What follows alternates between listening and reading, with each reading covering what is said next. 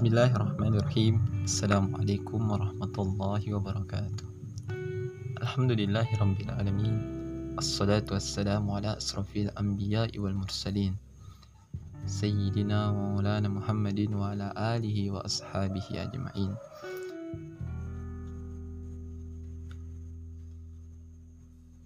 أهلي القرآن terbaik. Inilah judul yang menjadi headline di buku ini saat membahas salah seorang sahabat mulia yang namanya bergabung nama dua orang yang menjadi sahabatnya sekaligus ayahnya sekaligus keluarganya yaitu Salim Maula Abu Huzaifah dikatakan oleh penulis sebagai ahli Al-Quran terbaik. Sebelum kita bahas beliau, mari kita berdoa kepada Allah yang telah membangunkan kita dari tidur kita tadi malam. Dengan doa Alhamdulillahilladzi ahyana ba'dama amatana wa ilaihin nusyur.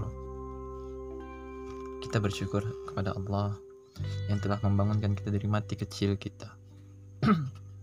Kata ulama, bagaimana kita mau mempelajari mati itu lihatlah tidur kita seketika langsung lemah seketika langsung lunglai lemes. Seperti itulah kematian dia akan datang dengan tiba-tiba. Di saat kita mungkin masih ingin main di saat kita masih ingin main game di saat kita masih ingin belajar masih ingin tapi saat kantuk menyerang lemah pun pasti akan langsung menyerang kita. Begitupun kematian yang datang bisa secara tiba-tiba Hari ini kita juga telah memasuki pertengahan bulan Rajab, tepatnya di tanggal 15 bulan Rajab. Kita membaca sebuah doa yang diajarkan oleh Rasulullah yakni Allahumma barik lana fi Rajab wa Sya'bana. Ya Allah berkahi kami di bulan Rajab dan di bulan Sya'ban.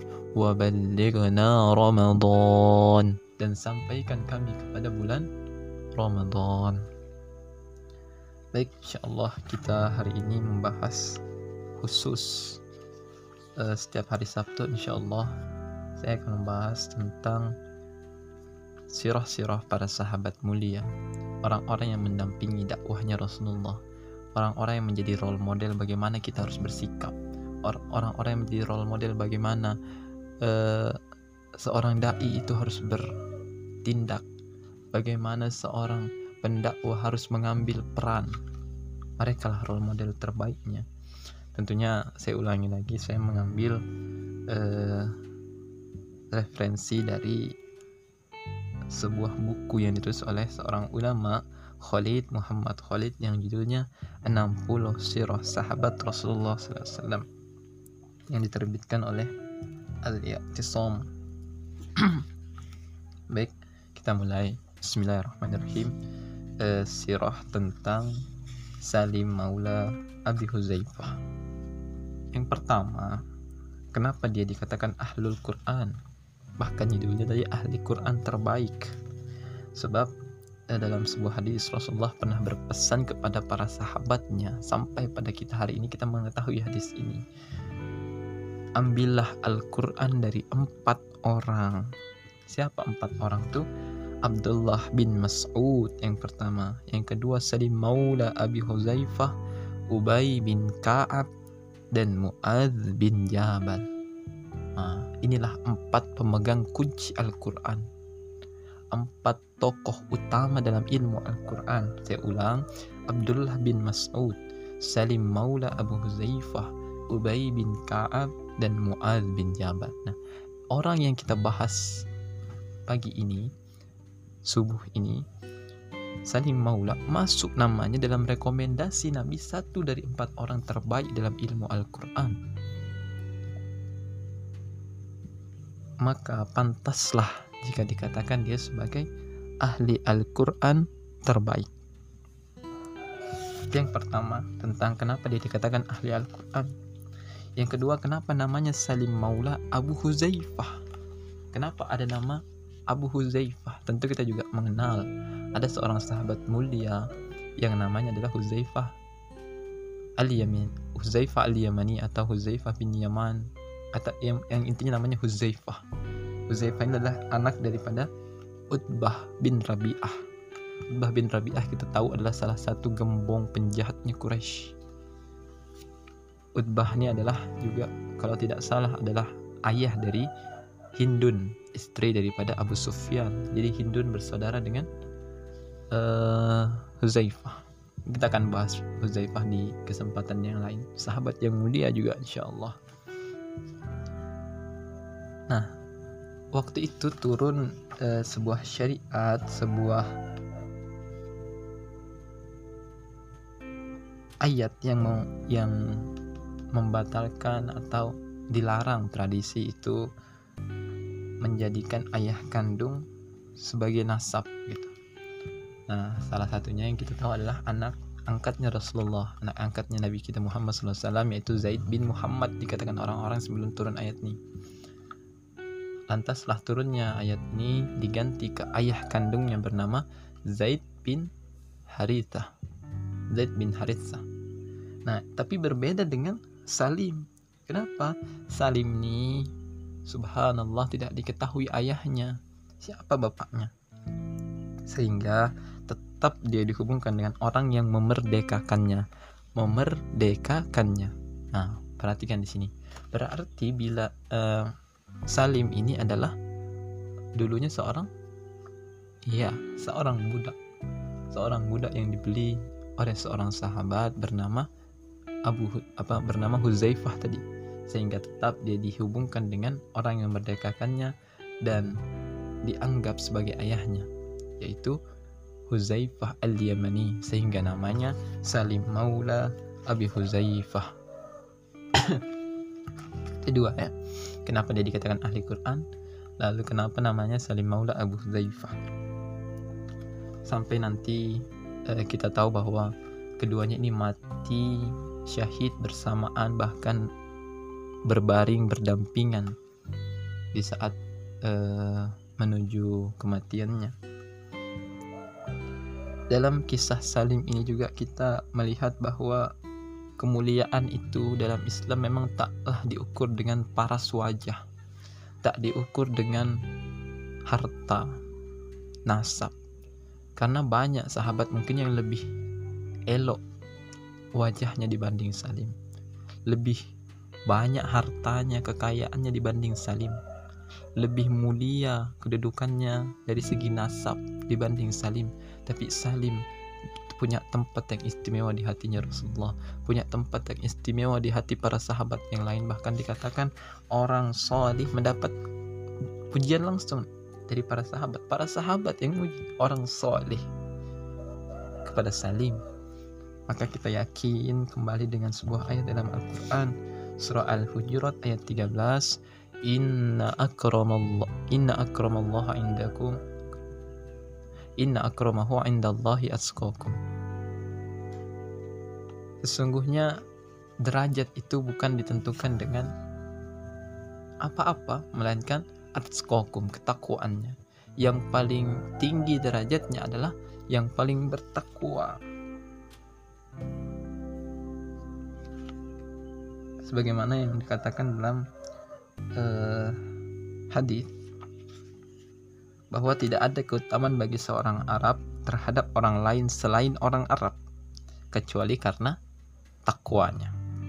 Dan tidak ada keutamaan bagi seorang berkulit putih terhadap seorang berkulit hitam kecuali juga karena ketakwaan. Jadi seseorang bisa mulia seseorang akan mulia karena takwanya.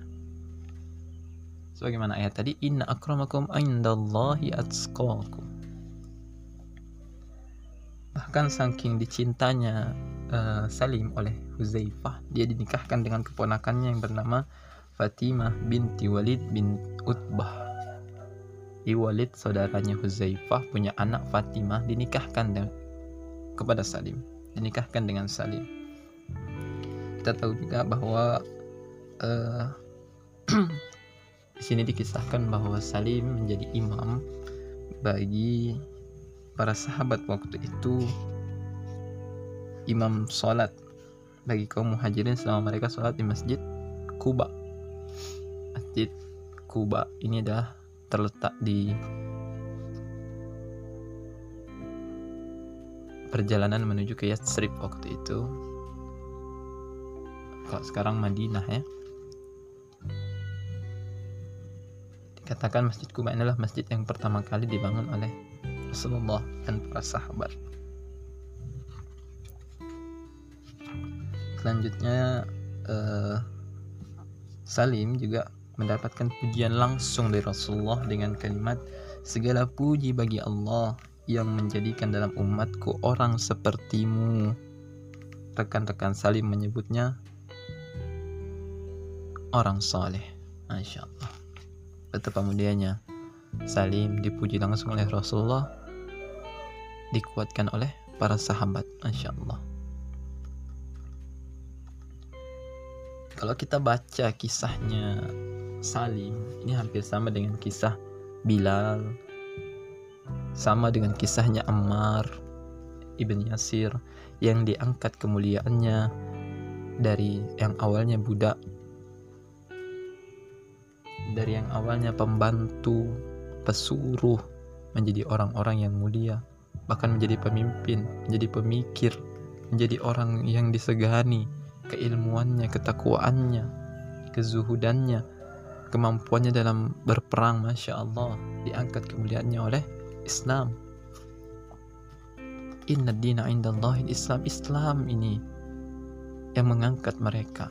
Bukan harta mereka bukan paras mereka bukan nasab mereka tapi Islam. Maka kita yang sudah Islam ini syukurilah keislaman kita.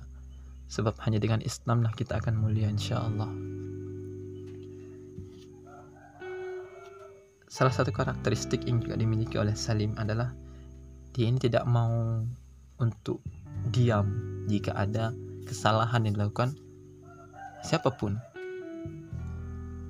bahkan kita juga mendengar dalam salah satu sirah di buku ini bahwa dia pernah menegur Khalid bin Walid. Kita tahu siapa Khalid ya yang menjadi panglima tak pernah kalah. Pada waktu itu dikirim uh, sebagai kepala pasukan Khalid. Namun nasihat dari Rasul uh, untuk berdakwah ke sana bukan berperang. Namun Khalid terpaksa karena suatu peristiwa ya pastinya nggak mungkin tanpa alasan dia pakai senjatanya untuk membunuh. Sehingga Rasul pada waktu itu sempat uh, geram dan sedikit kecewa. Bahkan gak henti-hentinya mohon ampun dengan ucapan Ya Allah aku berlepas diri kepadamu dari perbuatan yang dilakukan Khalid. Nah waktu itu Rasul bertanya pada waktu Khalid melakukan itu ada nggak yang membantah? Ada nggak yang menentang? Uh, sehingga Rasul uh, sedikit mereda amarahnya, kemarahannya saat menjawab saat sahabat menjawab ada ya Rasulullah Salim Maula Abu Huzaifah. Di Salim Maula menentang menentangnya bukan karena benci atau karena ada ambisi ingin merebut posisi Khalid, tapi dia melihat Khalid sebagai sahabat dan sahabat harus diingatkan. Prinsip dari Salim adalah dari Rasulullah bahwasanya Rasulullah bersabda agama itu nasihat agama itu nasihat. Agama itu nasihat maka Salim memberikan nasihat kepada sahabatnya Khalid. Salim Maula juga tak pernah absen dari satu peperangan pun semasa hidupnya. Dan perang terakhir yang beliau uh, ikuti dan beliau syahid di dalamnya adalah perang Yamamah. Kapan perang Yamamah itu? Perang Yamamah terjadi setelah Rasul sudah tidak ada di tengah-tengah kaum muslimin. Rasulullah sudah berpulang ke rahmatullah, kembali ke pangkuan Allah. Lantas masuk dalam masa kepemimpinan Abu Bakar, orang-orang murtad bermunculan membuat sebuah persekongkolan dan waktu itu juga lah muncul seorang yang jahat yang mengaku-ngaku sebagai nabi yaitu Musailamah Al-Kadzab mendapat gelar Al-Kadzab pembohong besar yang mengaku-ngaku sebagai nabi. Nah pada waktu itulah eh, perang Yamamah terjadi. Kita juga sebagai anak muda sebagai dai sebagai orang Islam harus mengerti tentang sirah ya. Harus mengerti tentang sejarah Islam sehingga kita bisa makin mencintai Nabi kita Muhammad SAW makin mencintai para sahabat kalau kita kenal.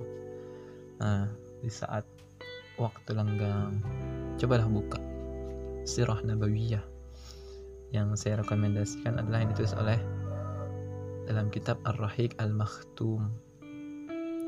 Nah itu salah satu sirah nabawiyah yang direkomendasikan dan memenangi lomba penulisan sirah sedunia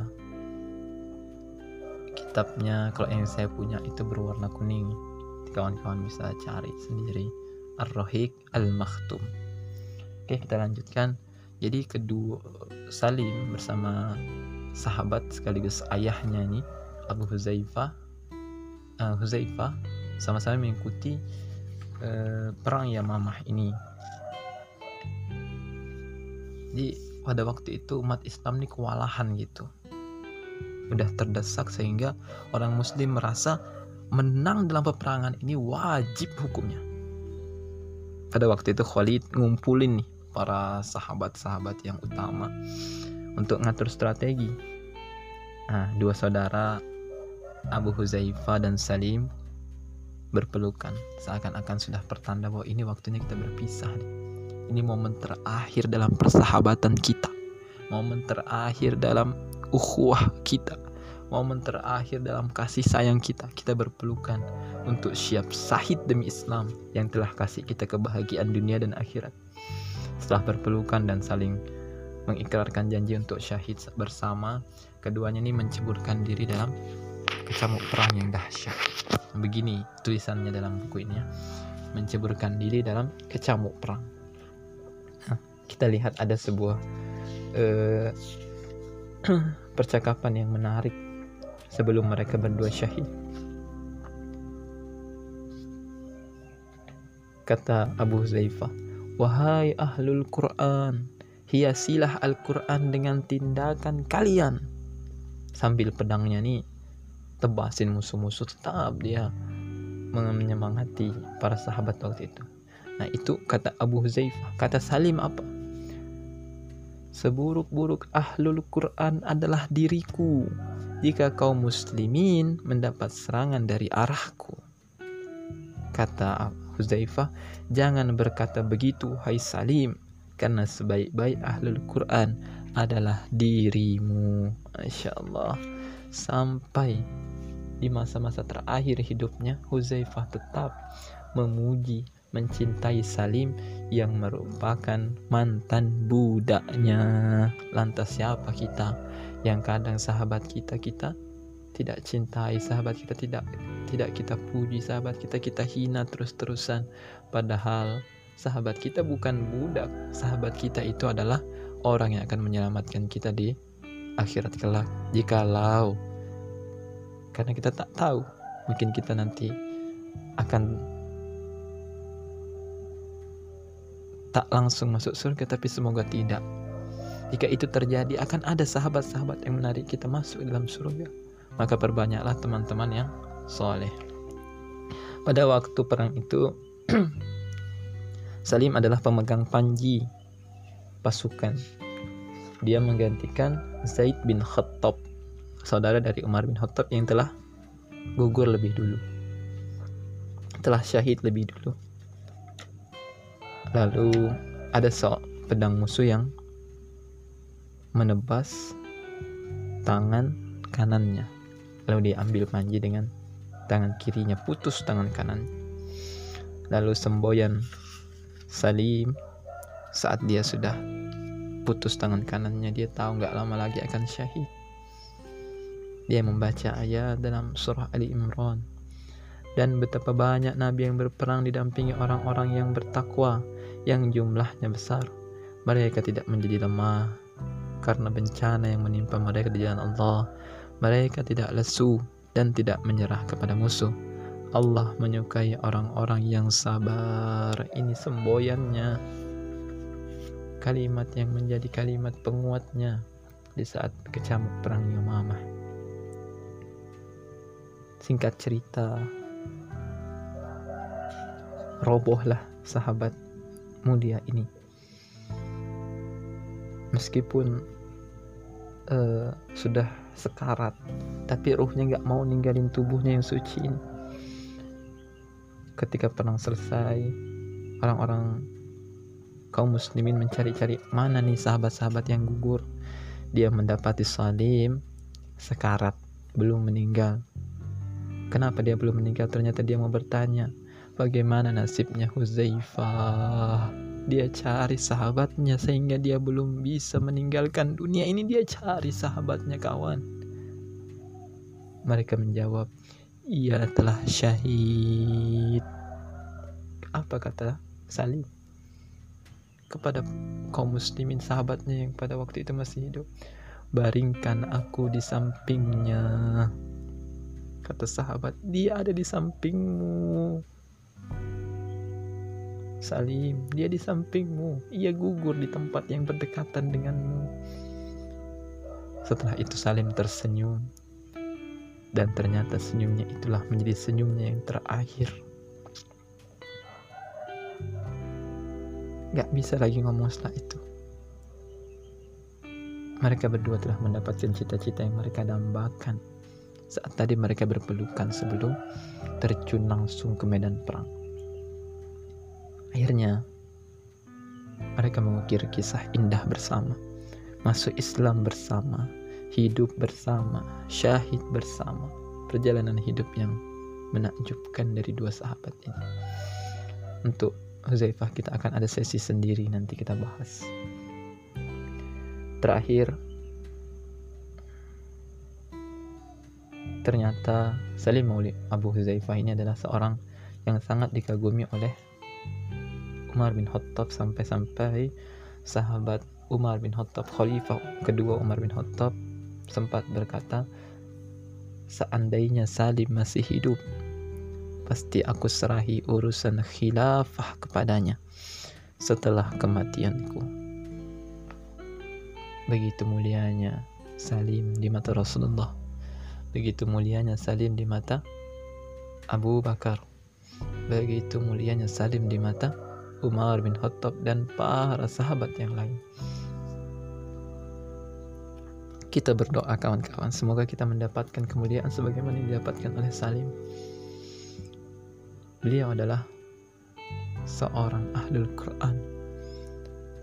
Beliau adalah seorang sahabat yang direkomendasikan langsung oleh Rasulullah untuk diambil ilmunya dalam Al-Quran.